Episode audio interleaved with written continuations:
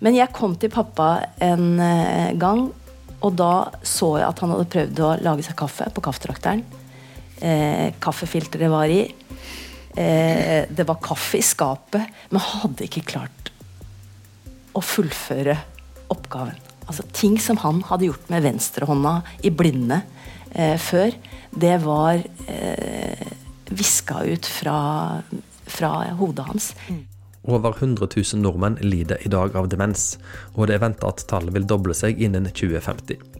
I dag finnes det ingen kur, men det siste året har NRKs program Demenskoret bidratt til en økt bevissthet om hva demens er, om hvordan en kan finne håp og trøst i møte med en alvorlig sykdom, både som pasient og som pårørende. Helene Sandvik har lang erfaring som helsejournalist både fra Dagbladet og NRK, og hun har skrevet om de vanskelige årene med farens demens i boka Et langsomt farvel.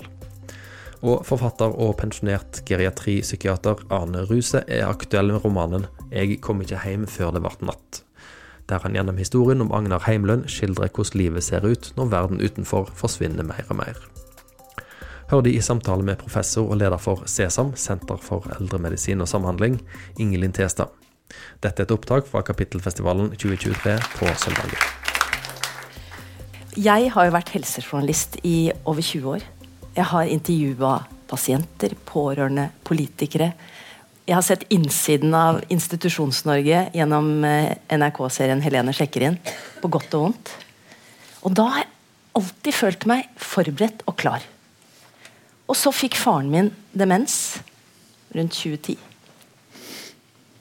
Og da ble det veldig annerledes. Jeg var ikke forberedt på avmakten jeg kom til å kjenne på. Sorgen frykten, og det var ikke de fire søsknene mine heller. Alle dilemmaene som vi måtte eh, stå midt oppi, og vanskelige avgjørelser som vi måtte ta. Og gjerne da når pappaen vår hadde blitt for syk til å gi oss sine kloke eh, og ærlige svar. Så jeg tenkte, mens han var syk, i all min tafatthet, jeg som var journalist, søstera mi intensivsykepleier, vi følte ikke at vi klarte å hjelpe han. altså, Unnskyld at jeg sier det. Men sånn var følelsen. Og så tenkte jeg, vet du hva, pappa. Han var journalist 40 år i Aftenposten. Hadde selv løfta fram mennesker som vanligvis ikke høres i samfunnet. Tenkte jeg vet du hva, jeg må skrive om dette for å gi trøst til andre som kommer etter oss. For å minne på de viktige samtalene vi må ta før det er for seint. Og så tenkte jeg også, fordi jeg tok ut alle journalnotatene, leste 300 sider med journalnotater fra første gang hjemmesykepleien kom til, til han døde i 2012, til han døde på et sykehjem i 2015. Og så tenkte jeg jeg har også noe å fortelle dere på hva vi som pårørende trenger for å føle oss trygge, og ikke minst til nytte. Mm. Derfor måtte jeg skrive boka. Ja. Og det har vært en veldig fin prosess. Jeg er veldig glad for det. Ja. Og Arne Ruseth, du har jo en annen bakgrunn. Du har òg skrevet bok om det å leve med demenssykdom. En romanfigur. Ja. Angar. Agnar. Agnar. Ja. ja. ja. Og, og, du har jo en erfaring i mange år som alderspsykiater, overlege, og hatt masse samtaler ja. med personer med demens som du har valgt å framstille i en romanfigur. Ja. Mm. Eh, 16 år jeg jobba med alderspsykiatri, da, og da var det hovedsakelig alders, eh, demensutgreiing og demensbehandling. og eh, som du sier, hundre, kanskje tusenvis av samtaler med og, og jeg lånte, lånte litt fra hver enkelt, eh, alle sammen, da, og laga det til én person. da. Så mm. jeg, Det er ikke noen autentisk person jeg beskriver. Men, men eh, i disse 16 åra jeg jobba med alderspsykiatri, så fikk jeg jo en økende nysgjerrighet på hvordan dette demenslandskapet egentlig så ut. Det som de som hadde sykdommen eh, opp, eh, gjennomgikk. Så, så, hovedmotivet var å, eh, å, prøve å skildre livet sett gjennom brillene til en demenssjuk. Det blir jo fiksjon i aller høyeste grad, men ut ifra alle de samtalene. Og så underveis så var det eh, naturlig også komme inn på det Helene skriver så eh, viktig om, nemlig pårørende sin mm. dilemma og, og, utfordringer. Og komme inn på eh, relater, eh, altså demensrelaterte utfordringer som sorg eh, ensomhet, eh, forvirring. Eh, eh, men også gode dager. At det, det, å leve med en demenssykdom trenger ikke å være ensbetydende med at det bærer dysterhet og mørke. Det kan også være når alt blir lagt til rette, og når det gylne øyeblikket er der, så kan det være mye solskinn. Mm. Ja. Følelsen av ikke demens. Det sa en sykepleier til meg når jeg var sjekka inn på, på Villa Enerhaugen, som var et sted for yngre med demens. Og det har jeg tatt veldig med meg. Og det bærer når vi opplever gode ting, selv om tankekraften kanskje er i ferd med å forsvinne, så tar vi med oss den gode følelsen. Og du trenger kanskje mindre medisin. Du føler deg bedre gjennom hele dagen. Mm. Det er fint. Mm. Det må vi ta med oss. Mm. Ja.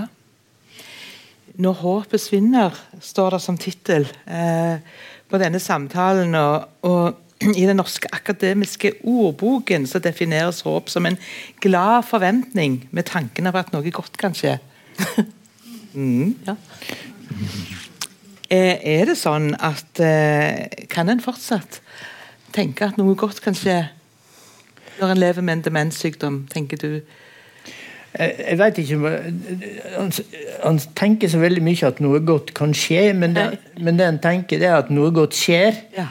Det er her og nå, det er de gylne øyeblikkene som er viktige å legge til rette for. Og da eh, må det være de gode mennesker rundt den, og det må masse med tid. Mm. Og det er jo det som er eh, dilemmaet i, i eldreomsorgen i dag, at en har ikke nok Eh, mannskap til å, å, å la, legge til rette slik at disse gylne øyeblikkene kommer inn og er der. Mm. Tror jeg, da. Mm. Jeg tror jo at som med demens og andre alvorlige sykdommer, når det rammer, så er det jo kaos. Og med demens så vet vi at det er en sykdom som Det finnes ikke noe kur. Det tenkte jeg når jeg, pappa fikk det. Det finnes ingen kur, og det skal bare bli verre. Men så kommer det jo en, i en fase med god hjelp fra fagfolk, hvor vi kan reorientere oss hvis vi får den hjelpa, og se mulighetene. og Derfor blir jeg så glad når jeg eh, hører hva du forsker på. Mm. At det at en pasient, en syk, kan få kunnskap om eh, diagnosen, så gjør dem også bedre i stand til å bestemme over eget liv. Og, og sette ord på hva er det som er viktig for meg. Og det ga ikke vi faren vår mulighet til. Det demensordet det ble aldri sagt høyt. Og når han først fikk det, diagnosen, så var han for dårlig til å forstå mm. og reflektere. Og det syns jeg var veldig trist. Mm. Men dette er jo veldig vanskelig, det er veldig vanskelig, eh, for vi er oppdratt, og heldigvis, til å til å vise eh, selvbestemmelse, integritet. Så skal mye til. og Det, det er onde kamper, eller onde greier en må gjøre der. så det er jo du, du er jo, dere er jo i eh, selskap med veldig mange også. som syns det Kan jeg bare fortelle en historie fra når jeg uh, Vi var jo fem søsken som etter hvert begynte å danne oss et sånt vaktlag. Eh, for å ta vare på faren vår, selv om hjemmesykepleien kom tre ganger om dagen. Han ville helst ikke ha hjemmesykepleien på besøk. Eh, han var en privat person eh, som hadde klart seg godt hele livet. Og det var veldig integrert del av hans jeg. Jeg og søstera mi vi var helseministre, og så hadde vi en mellom, mellombror som var økonomiansvarlig, og så var de to andre brødre sånne libro, handle, godt selskap. Men jeg kom til pappa en eh, gang, og da så jeg at han hadde prøvd å lage seg kaffe på kaffetrakteren. Eh, kaffefilteret var i. Eh, det var kaffe i skapet, men hadde ikke klart å fullføre oppgaven. Altså Ting som han hadde gjort med venstrehånda i blinde eh, før, det var eh, viska ut fra, fra hodet hans. Og jeg Heller ikke da klarte jeg å hjelpe ham, for det, det, kunne vært en fin mulighet for meg til å åpne en, en, dør inn til et samtalerom om at nå er det et eller annet som er i ferd med å skje med deg, pappa. Mm. Nå, nå, nå, er det kanskje på tide at vi tar en tur til legen. Men jeg kjente at hvis jeg hadde begynt å pirke borti det, så hadde jeg pirka borti identiteten hans. Mm. Mm. Og jeg, jeg, er datter, han har alltid vært eh, familiens lim overhode. Jeg klarte det ikke. Jeg klarte det bare ikke. Mm. Og litt det når vi skal komme inn på førerkort og lappen.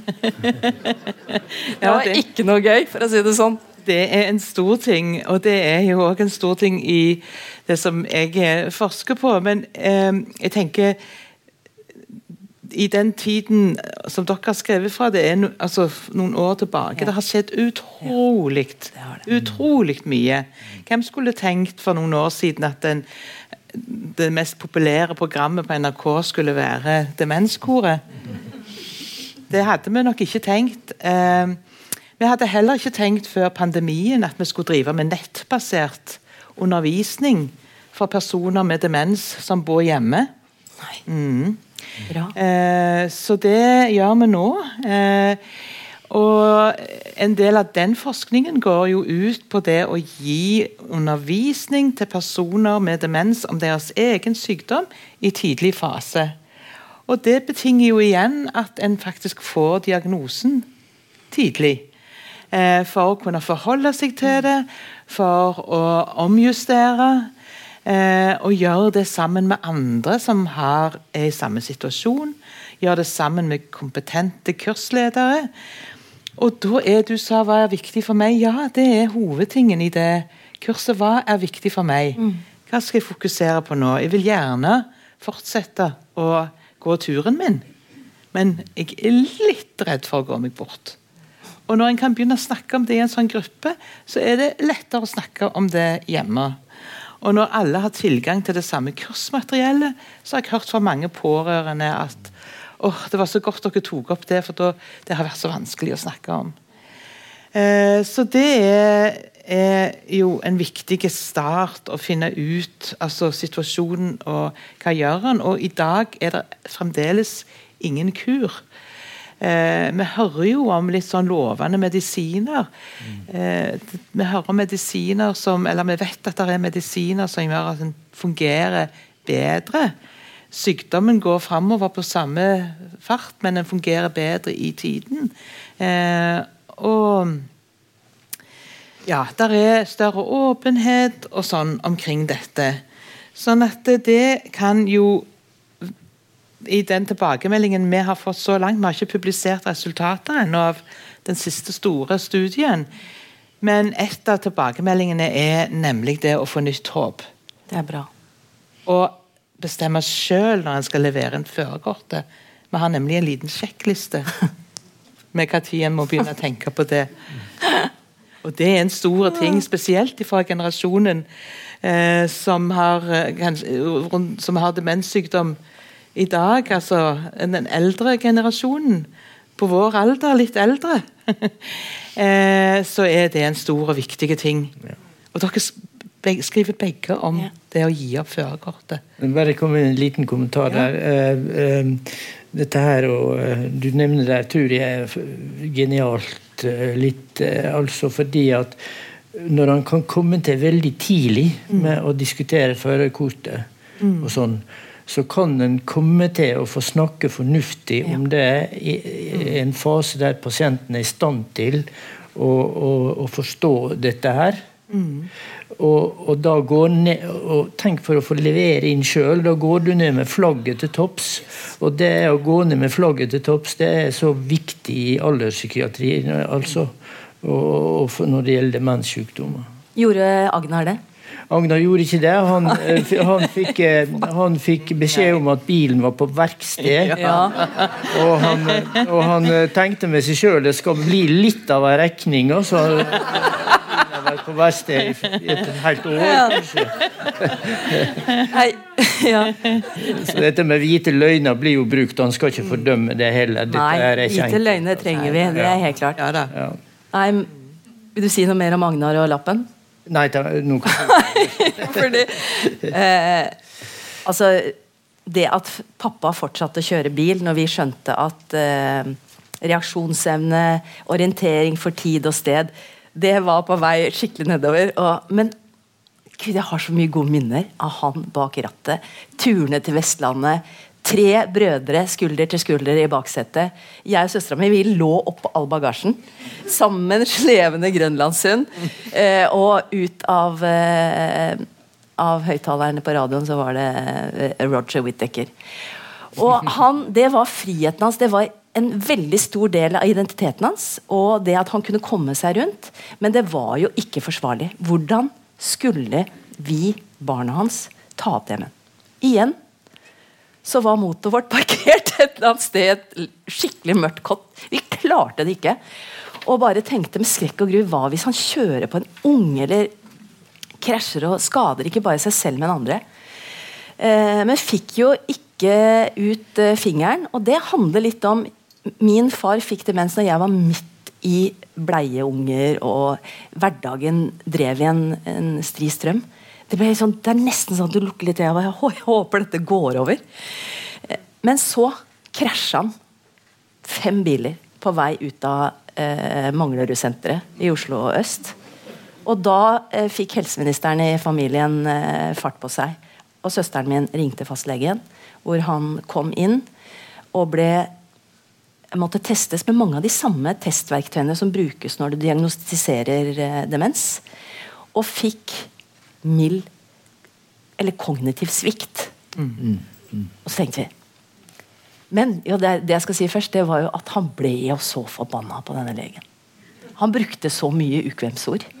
Eh, og, men han kjørte ikke bil lenger. Men han, det var akkurat som selv om demensen skred fram, så glemte han ikke denne fastlegen som hadde tatt fram lappen. Eh, ja. Mm. Men jeg tenker jo at eh, fastlegen han, Pappa var mye hos fastlegen. Han var begynte å bli en gammel mann. Det, han hadde hjertesvikt. Det feilet han ting.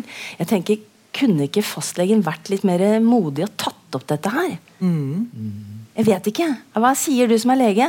Ja, det kan en sikkert si, men nå finnes det mange varianter av ja, fastleger, og de er ulike. Og så De fleste gjør nok det de tror er best for pasienten, eller jeg tror alle gjør det. Men, men det er ikke alle som har gutsen til å skjære gjennom med ting. Det må en vel være enig om. Sånn er fastleger lik andre mennesker. Ja. Men jeg snakket med, Det er en som heter Torgeir Brun-Willer, som er en geriater. Mm. Veldig flink. Som har vært litt sånn kvalitetssikre på boka mi. Og han sa for det første, når legen da skriver eh, kognitiv svikt Legen visste at pappa hadde mista mange ferdigheter i hverdagen. Altså Egentlig så var det litt sånn om, litt feigt å si det. Si det som det er. Var, han var på vei inn i demenslandskapet. Og det som også skjedde, og som, eh, det var at fastlegen backa litt tilbake. Mm. Holdt ikke i en videre utredning, for han ville ikke utrede pappa for demens da. Fordi eh, klimaet mellom de to var ikke det beste. Men det han burde sagt til oss da, var at hold tak i dette her. Jeg er ikke i posisjon nå i tillit til faren deres til å ta dette videre, men jeg sluser den inn i spesialisthelsetjenesten. Det skulle gå over et år før Anja tok min tvillingsøster tok den telefonen, og vi fikk den inn i spesialisthelsetjenesten. Og han da fikk diagnosen i 2012. Og da ble han også erklært ikke samtykkekompetent. Så tenk deg hvor lang tid det tok før han fikk diagnosen. Mm.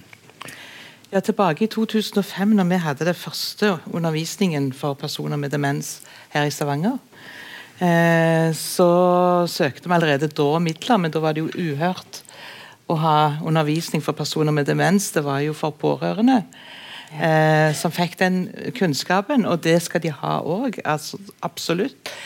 Eh, men det tok sin tid, og litt av problemet og utfordringen med å få med personer i tidlig nok fase. Mm. Det er nettopp det du sier med å få den diagnosen. Mm. Nei, legen sa til meg at det var bare noe med husken. Jeg, har, jeg er ikke syk. Det er noe med husken. For det er veldig vanskelig mm. å si.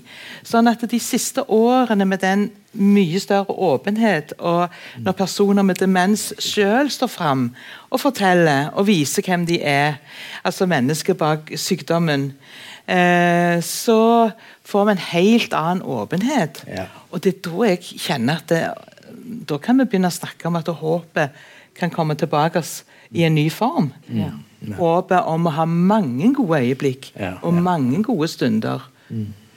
Um, for, og jeg tenker pårørende um, Dere beskriver begge to at som pårørende og familie Altså Liv Håper ikke å si feil navn igjen. Nei, nei. Liv og broren Bjørn de var ikke helt enige, og hun var den som bodde nærmest. og eh, Det er ikke en ens gruppe. Eh, og pårørende trenger informasjon for å ta gode beslutninger. Det er jo det de trenger. Altså, ja. Kommunikasjon og kommunikasjon ja. og atter kommunikasjon. Og, og, og, informere og ta med på råd. Ja. Men, men, det å kreve ressurser mm. Altså, En havner lett opp i dette her at en har ikke tida sette av til møte med pårørende hver uke. Eller, så, så det, er et, det, er et, ressursspørsmål oppi dette her. Men, men, det er klart, det er jo med vel, velviljen du, du, du, mobiliserer også, hver mm. enkelt. Så en skal ikke frita for ansvaret i det. Men, men, men det er jo Kanskje det som greip meg mest i boka til Helene, er jo dette her eh, Beskriv dette her pårørendedilemmaet. Mm. Marerittet, vil jeg nesten si det.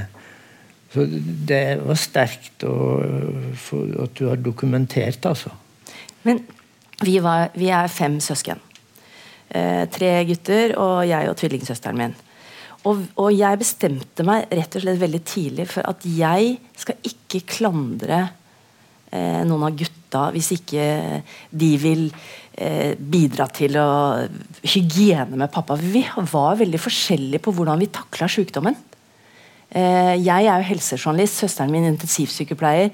For oss så tålte vi mer ubehag. Mens eh, for gutta aldri om de hadde dusja pappa, f.eks.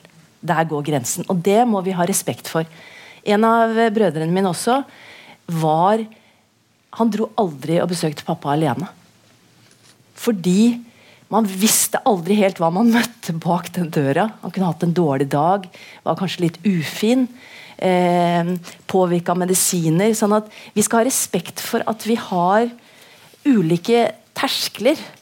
Og det gjelder også i forhold til besøk. Vi er i ulike livsfaser mm. og kan følge opp. Men det at vi snakker om det, er eh, viktig.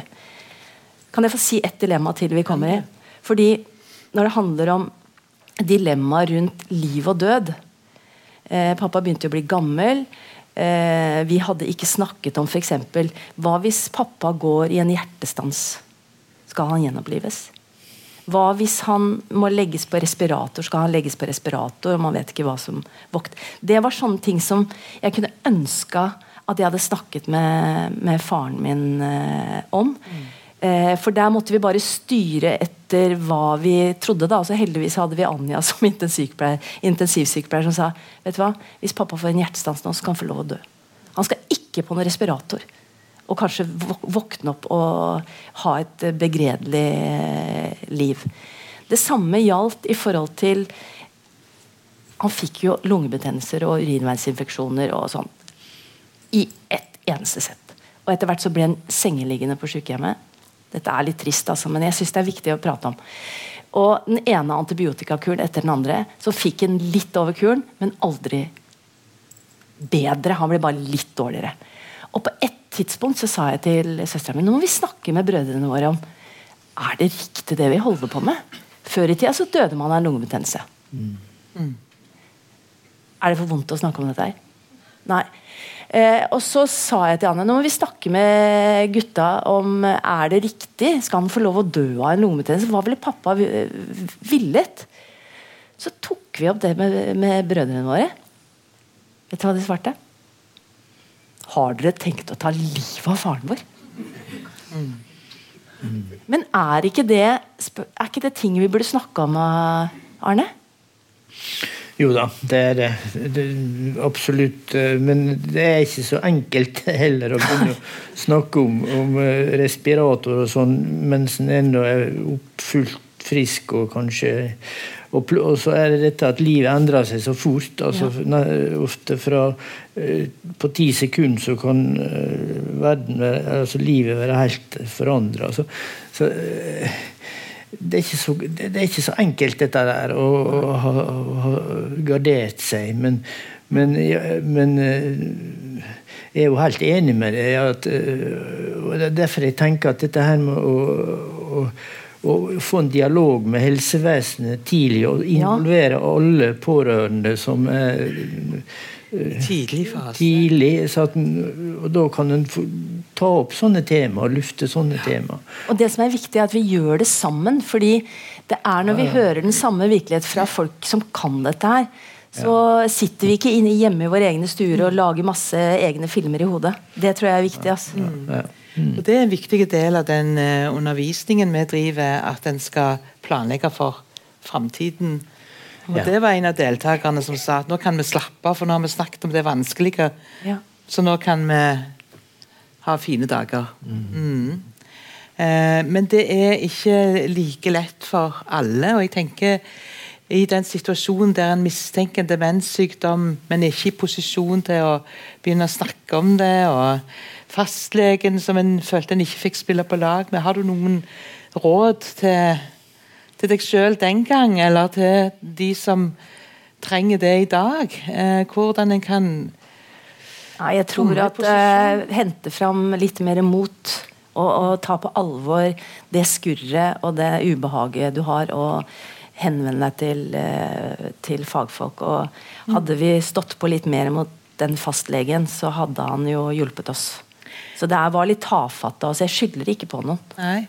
Eh, vi må ta litt ansvar eh, selv. Hvordan hadde det hjulpet for, hvordan kunne helsepersonell tatt imot dere den gangen, da, sånn at en kunne fått kommet i en bedre posisjon? Hva vil du eh, si til helsepersonell? Innlevelse. Mm. jeg tenker Hva trenger dere nå? Det spørsmålet. Hva, mm. I den situasjonen dere er i nå. Hva, er, hva trenger dere nå? Hva er det som bekymrer?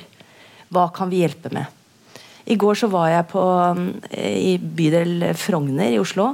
I Oslo nå så skal de begynne et sånt eh, standard for pårørendesamarbeid.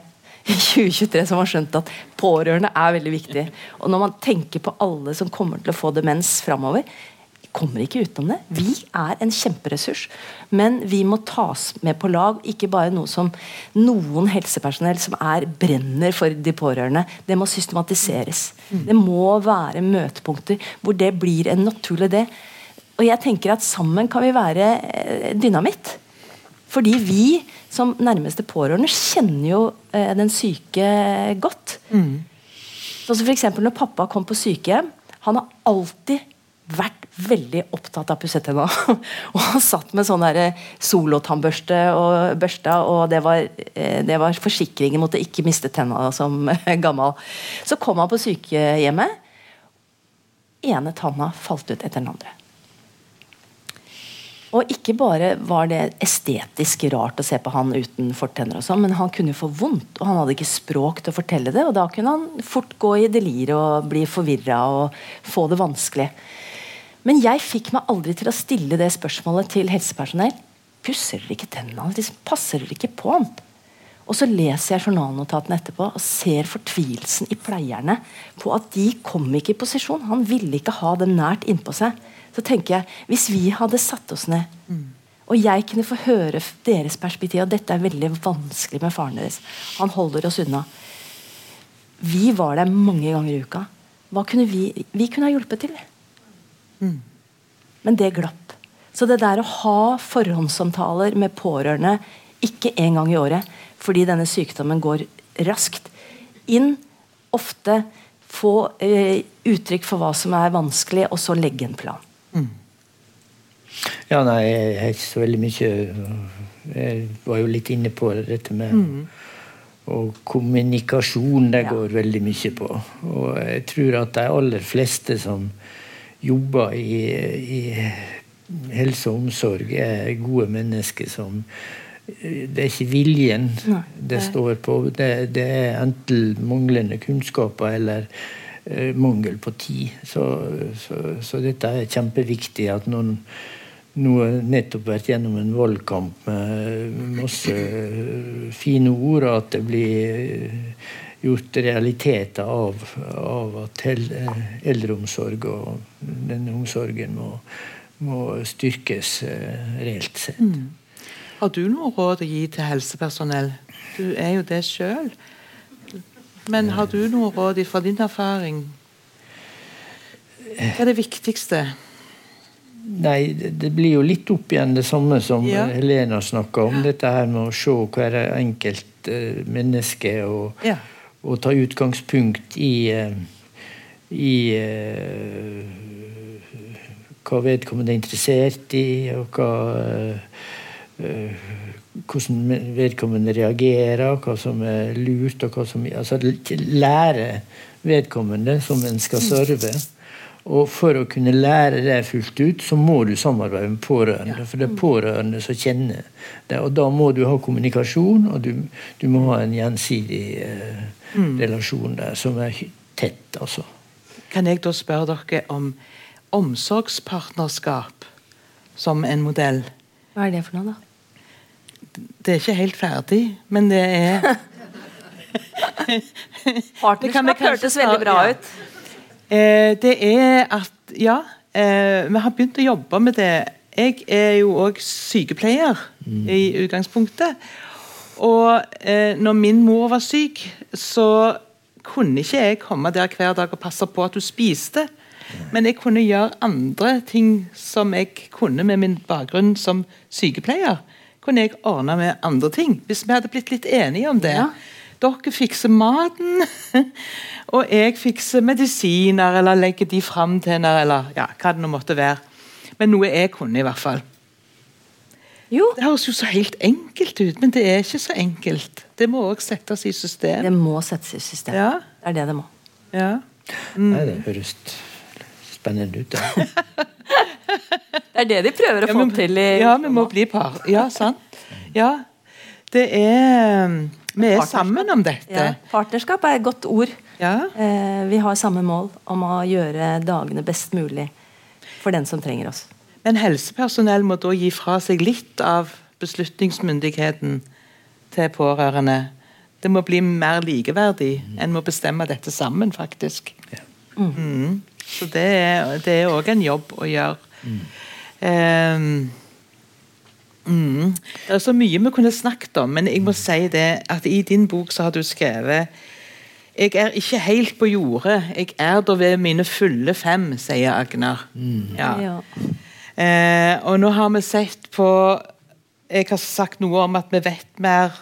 Vi har mer kunnskaper, vi har sett demenskor, vi har ja, mye mer informasjon. Vi har demensvennlige kommuner, demensvennlig samfunn. Vi har Nasjonalforeningen her i dag, som gir informasjon. Mange kommuner har signert kontrakt med Nasjonalforeningen om å være demensvennlige kommuner. Lære opp de som jobber i butikker og rundt forbi, om hvordan de skal møte mennesker med demens. Men er det sånn at det er noe sånn skam knytta til det å ha en demenssykdom? Både fra en sjøl, men fra omgivelsene fremdeles, vil du si? Ja, at, at, at det Når du skriver dette. Ja, at det fortsatt fins det, det, det, tror jeg nok. Og, og, eh, men det er jo en veldig stor ut, positiv utvikling. Som, Mm. så, så, før så gjemte han jo vekk eh, Mm. eldre folk som, som fikk eh, kognitive utfordringer. og, og for eksempel, jeg, Før jeg begynte å studere medisin, så jobba jeg på uh, en langtidsavdeling på et psykiatrisk sykehus. Dette var på 70-tallet. Og da var jo uh, pasienter, uh, schizofrene langtidspasienter og pasienter med Alzheimer hadde ikke den diagnosen da, men aldersdemente lagt inn i Altså det gikk i samme sekken. Eh, og og så, så, så, at det har vært stigma, og at det fortsatt kan være det. Men jeg har i grunnen ikke opplevd så veldig ofte at, at det å få den diagnosen har utløst så veldig mye reaksjon. Men jeg vet at du beskriver jo det.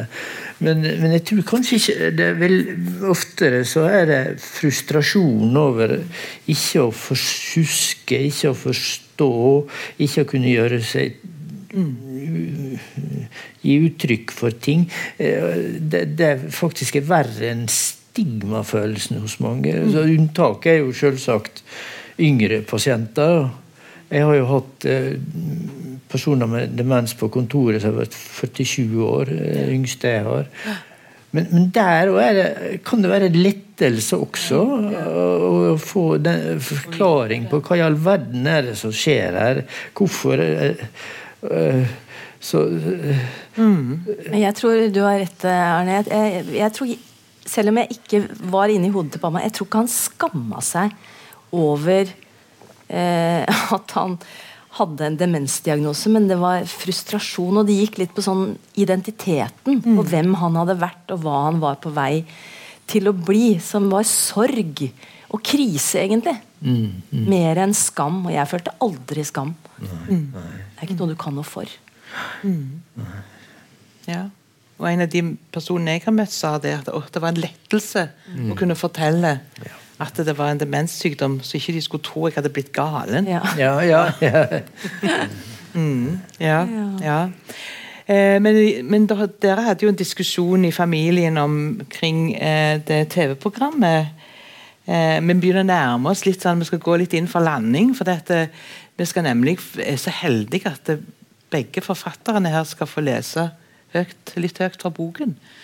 Høytlesing, det er nydelig, sant? Ja. Mm. Eh, men eh, i den forbindelse med om det var rett at han fikk være med på TV mm. Det var når jeg var programleder for Puls, det er 100 år siden. Men da var det en kollega av meg og jeg som skulle lage en eh, reportasje på musikkens kraft på mennesker med demens. Og så var det en som het Gina Nordby, som var rundt på sykehjem, og som spilte spilte på piano eller gitaren sin sanger og låter som det mennesket var glad i. Da. Og vi hadde jo sett hva som skjedde med da, eh, de menneskene hun møtte. Og jeg tror ikke det bare var gitaren. Altså. Det var noe med tilstedeværelsen til denne dama som var helt utrolig. Og så tenkte jeg hva om vi tar med Gina opp til eh, pappa? Og da, Det var på slutten av livet hans. Han var eh, demensen hadde kommet veldig langt. Han hadde dårlig språk. Han hadde ofte dårlige dager. Så jeg var ikke sikker på at uh, vi fikk komme inn. Og det var, det var, Jeg hadde mange runder med familien min om det var riktig å vise pappa i den tilstanden han var. Ikke sant? Sjaber i en sykehjemsseng. Og først så sa, så sa brødrene mine spesielt at uh, Helene liksom, Journalist, pappa hva skal kollegaer si når de ser han nå? Ja, det var ubehagelig. Det er vondt å se et menneske som har forfalt sånn. Men det er livet. Og det er, jeg tenker at det er vi som pårørende, helsepersonell, det er vi som skal bære verdigheten eh, for eh, den syke. da. Så vi kom til slutt til at hva tror vi pappa hadde sagt hvis han var frisk? Hadde han ville være med på dette og løfte fra mennesker bak en diagnose. Han var jo journalist selv. Eh, han sto på når mamma fikk eh, kreft og ble feilbehandla. Han var ved hennes side. De sto fram i media. Vi tenkte yes, dette har pappa sagt ja til, selv om han er eh, sjabe. Vi vil vise mennesker bak. Og det ble jo ja, det ble et sterkt uh, møte. Mm. Altså, jeg ser det klippet og må grine litt hver gang. Mm. Ja. Skal jeg lese litt? Ja. ja. Og det er det håp i, tenker jeg da. Som denne sykepleieren på Villa 1 vil si. Følelsene har ikke demens.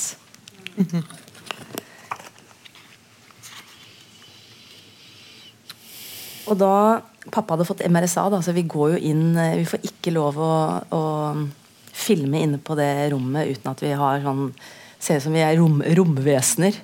Og bare det i seg selv skriver jeg om i boka. Jeg synes det var et overgrep mot et dement menneske. Eh, å isolere på slutten av livet, og, og, vi skulle tape han med blå hansker. Så det nekta jeg. Når, ikke, altså, når jeg var hos han, så hadde jeg ikke på meg det. Og der eh, viste det seg at, eh, at eh, det stred mot alle, all forskning. Vi skulle ikke Tenk deg å bli isolert på slutten av livet sitt. Han døde sånn med at vi kom inn som romvesener. Det var helt forferdelig. Ja. Men helt fra Gina sendte av gårde de første gjenkjennelige tonene av The Last Farewell Roger Whittaker, da, vet du. Fra pianoet sitt så vekket hun åpenbart en følelse i ham. Blikket ble mer oppmerksomt. Han strakte seg ørlite opp i senga. Det var som om hun pustet kraft og liv i kroppen hans. Ginas stemme på Roger Whittakers låt og den intense tilstedeværelsen hennes fikk pappaen min til å ligne seg selv sånn jeg husket ham. Selv om musikk bare er en konstellasjon av lydbølger, er det en direkte forbindelse fra ørene til de emosjonelle sentrene i hjernen. Her var det ingen tvil om at lyden påvirket følelsene momentant. En varm bølge av kjærlighet blandet med tungt vemod veltet over meg. Musikken og Gina vekket ham en gnist, kanskje minner om mamma og bilturene til Vestlandet. Og i meg en følelse av at pappaen min fortsatt var der inne et sted. Var det stillheten, ensomheten, kjedsomheten, ufriheten og sykdommen som gjorde at det, best, at det beste var å bare gli vekk fra alt, døse bort dagene? Pappa beit seg i underleppa, kjempet mot tårene, lukket øynene. Hva dukket opp fra glemselen? Hva kjente han på? Tårene kom, og latteren. Og da snakker han i hele setninger. Nydelig sang. Er jo nydelig, da, sa pappa, og så så han på meg og tørket tårene med dyna. Ja, jeg griner, jeg. Jeg blir så fylt av, fylt av minner og følelser, svarte jeg. Det er så ekte og fint. Det kan ikke bli bedre og mer ekte enn det der. Det kan ikke bli mer ekte. Mm. Eh, og refleksjonen som jeg har gjort meg i ettertid altså, Jeg har grubla mye over dette, og gjør det fortsatt. Og litt som vi var inne på tidligere Hva er et verdig liv? Ikke sant? Når jeg tenkte det er ikke verdig liv ene antibiotikakur etter den andre. Er det riktig, det vi holder på med? Men det har jeg tenkt mye på. Og hvem er jeg til å si om noe om verdigheten i pappas liv, egentlig? Kanskje synet på det endres når du blir uhelbredelig syk. Hvis du evner å reflektere over det, da. At øyeblikkene, de gode, varme, nære, er det du lever for. Eller er det øyeblikkene vi klamrer oss til og trøster oss med fordi vi ellers har latt oss knuse av kvaler og dårlig samvittighet? Er det øyeblikkene som får oss til å holde ut smerten og resten av det sørgelige som fyller livet? Mm. Mm. Mm. Ja.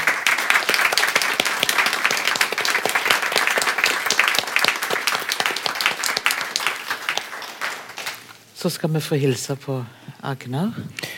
Ja, eh, Agnar han er en pensjonert lektor som eh, har vært enkemann i ett år. Omtrent like lenge har han hatt eh, en sviktende kognisjon og utvikling av en demens. Han bor alene. Dattera bor like ved, men han er veldig travelt opptatt. og er vanskelig for å, å eh, stille opp så mye som hun ville. Og sønnen er forretningsmann og mye i utlandet, så han har tynt sosialt nettverk eh, rundt seg. Jeg skal lese litt først fra, fra åpninga av boka. Eh, tankene er gnestrende klare. I det siste har de hatt det med å fløke seg til, gjøre meg til offer for vær og vind. Men denne dagen skal bli god. Jeg starter hver morgen med å tenke slik, prøver på det viset som best jeg kan, å krumme nakken mot livet. Slik ligger jeg nå og tvinger tankene dit jeg vil ha dem, spenner musklene i takt med tankegangen, bøyer og strekker i anklene som kjennes ledige nok. Verre er det med knærne og olbuene, men så er jeg også en gammel mann blitt født i 1951, bare seks år etter at Hitler en vårnatt gjorde ende på seg sjøl i bunkersen. Stadig ofte finner jeg det vanskelig å tolke hendinger kring meg. Under søvnen er alt som før. Drømmene er like meningsløse som de alltid har vært. Men tolking og feiltolking av drømmelandet går for det samme. Og der i kveldsskumringa og morgengryet jeg gang etter gang blir narra. Kanskje er det skuggene kring meg som gjør alt så vanskelig. Mye av tida mi går med til leiting. Som regel finner jeg noe helt annet enn det jeg leiter etter. Det tar jeg ikke så tungt. Veit godt at min misjon er en helt annen enn den til billyktene. Når de leiter etter veiene, ser de aldri annet enn det de søker. Slik går de glipp av så mangt. Alt mennesker leter etter, er allerede funnet, for lengst fortært eller forkasta. Gleda finst oftest en annen stad enn der vi leter. Hver dag kjenner jeg meg heldig. Det er ikke lenge så mye som går inn på meg. Det kan jeg takke minnesvikten min for. Andre får tro hva de vil, sjøl mener jeg at jeg klarer meg godt. Glemselen er bare, bare en annen måte å huske på. Og glemselens slør blir slepa etter så mange ei brud. Så skal jeg også lese et lite stykke lenger ut i boka. Da er han, Agnar kommet på omsorgssenter. Men han er forvirra og tror at han er om bord et tog.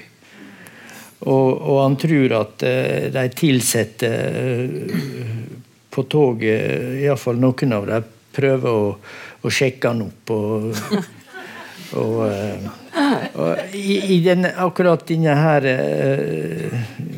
stykket her, som jeg skal avslutte med, så, så ligger det litt sjølkritikk. Altså, jeg tenker tilbake på at det var nok en god del ganger jeg var mer opptatt av å få svar på mine psykiatriske og medisinske spørsmål mm. enn jeg var å høre etter hva som ble virkelig sagt. Så, så en liten en sånn Eh, etterpåklokskap. Det er bra. ja. Amanda hun har fortalt meg at hun heter det. Kjem og vil ha meg med på kupeen, eller rommet, som hun kaller det. Jeg blir straks på vakt. En ny framstøyt på det romantiske området på vei. I så fall skal hun møte veggen. De etiske rettesnorene mine ligger fast heller ikke er i stand til å prestere på aktuelle områder lenger. Den tida er forbi. Jeg har hatt mine stunder og er mer enn nok fornøyd med dem. I kupeen står en kar i hvit frakk og venter ved køya mi. Han har munnbind på, øynene hans ser på meg over kanten av maska. I handa ber han en mappe. Han håndhilser ikke, nikker bare god dag. Tildekking av munnen gjør det vanskelig å vurdere om helsinga er av det vennlige slaget. Dette er legen som gjerne vil snakke med deg, sier Amanda. Jeg har ikke bedt om tilsyn av noen lege. Jeg kjenner meg rett nok sliten, men det, den plaga kan vel ingen doktor kurere? Ikke engang en jernbanelege? Amanda føyer til at vedkommende er spesialist. Ja, ikke nok med det, faktisk ekspert på aldrende folk. Da veit jeg det, jeg er sjukelig i kraft av alderdommen min. Han starter utspørringa. Har du smerter? Smerter? Ja, har du vondt noen sted? Jeg svarer nektende på det. Rett nok er jeg stiv i kroppen og skjelver en del på hendene, men smerter har jeg lite av. Iallfall slik jeg forstår uttrykket. Smerter har jeg eneste opplevd i samband med tannverk, et lite problem sammenlignet med mangt annet. Men om det kan være av interesse, så har jeg stundom vondt i sjela. Han svarer ikke på det, spør i stedet om avføringa av varslatinga er normal. Jeg må ta meg kraftig sammen for å ikke gi meg ut på en filologisk debatt om bruken av ordet 'normal'. Har aldri stilt meg sjøl spørsmål om avfallsproduktene mine er normale eller unormale. Har heller ikke i tilstrekkelig grad granska de som mine medmennesker kvitterer og mangler såleis sammenligningsgrunnlag. Sier at på den fronten vil jeg tro at mine bidrag er i tråd med godkjent norsk standard. Så du har ikke problemer med å slå lens. Ingen problem med å få det til å renne. Nei, tvert imot. For ikke så lenge siden holdt jeg faktisk på å pisse meg i hjel. Det skjedde forresten under ei reise i Irland. Legen synes ikke å være nevneverdig opptatt av den grønne øya nyst har vitja. Ber meg i stedet om å ta av klærne på overkroppen. Han vil altså ha meg halvnaken, sjøl om problemet etter min mening sitter på innsida av skolten. Underdanig lystrer jeg til genser og skjorte av, setter meg til rette på køyekanten. Han håndfer meg med kyndige rørsler, lytter på brystet mitt med stetoskop, lyser inn i munnen min som jeg er blitt bedt om å holde åpen. Trykker meg på buken, bretter opp ei fold av huda på overarmen min, ser lenge på den som så han et merkelig dyr. Mumler for seg sjøl at, at, dette faktisk ikke ser så verst ut. Ser et, deretter på meg, og nå er røsta høy og klar. Nei, dette ser ikke så verst ut. Du er sprek som en nykonfirmert. Takk. Det er bra.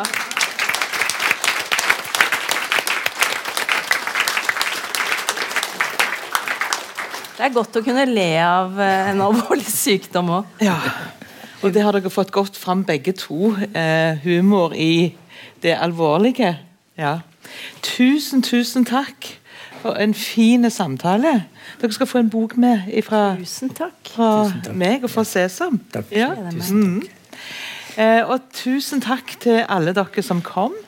Eh, og Hvis dere er mer interesserte i å lære mer fra Nasjonalforeningen, om demensvennlige samfunn og andre ting, eh, eller vil høre mer om Vice så kan dere bare stanse igjen bak der og snakke med alle de som står der med både svarte og røde T-skjorter. Tusen takk for at dere kom.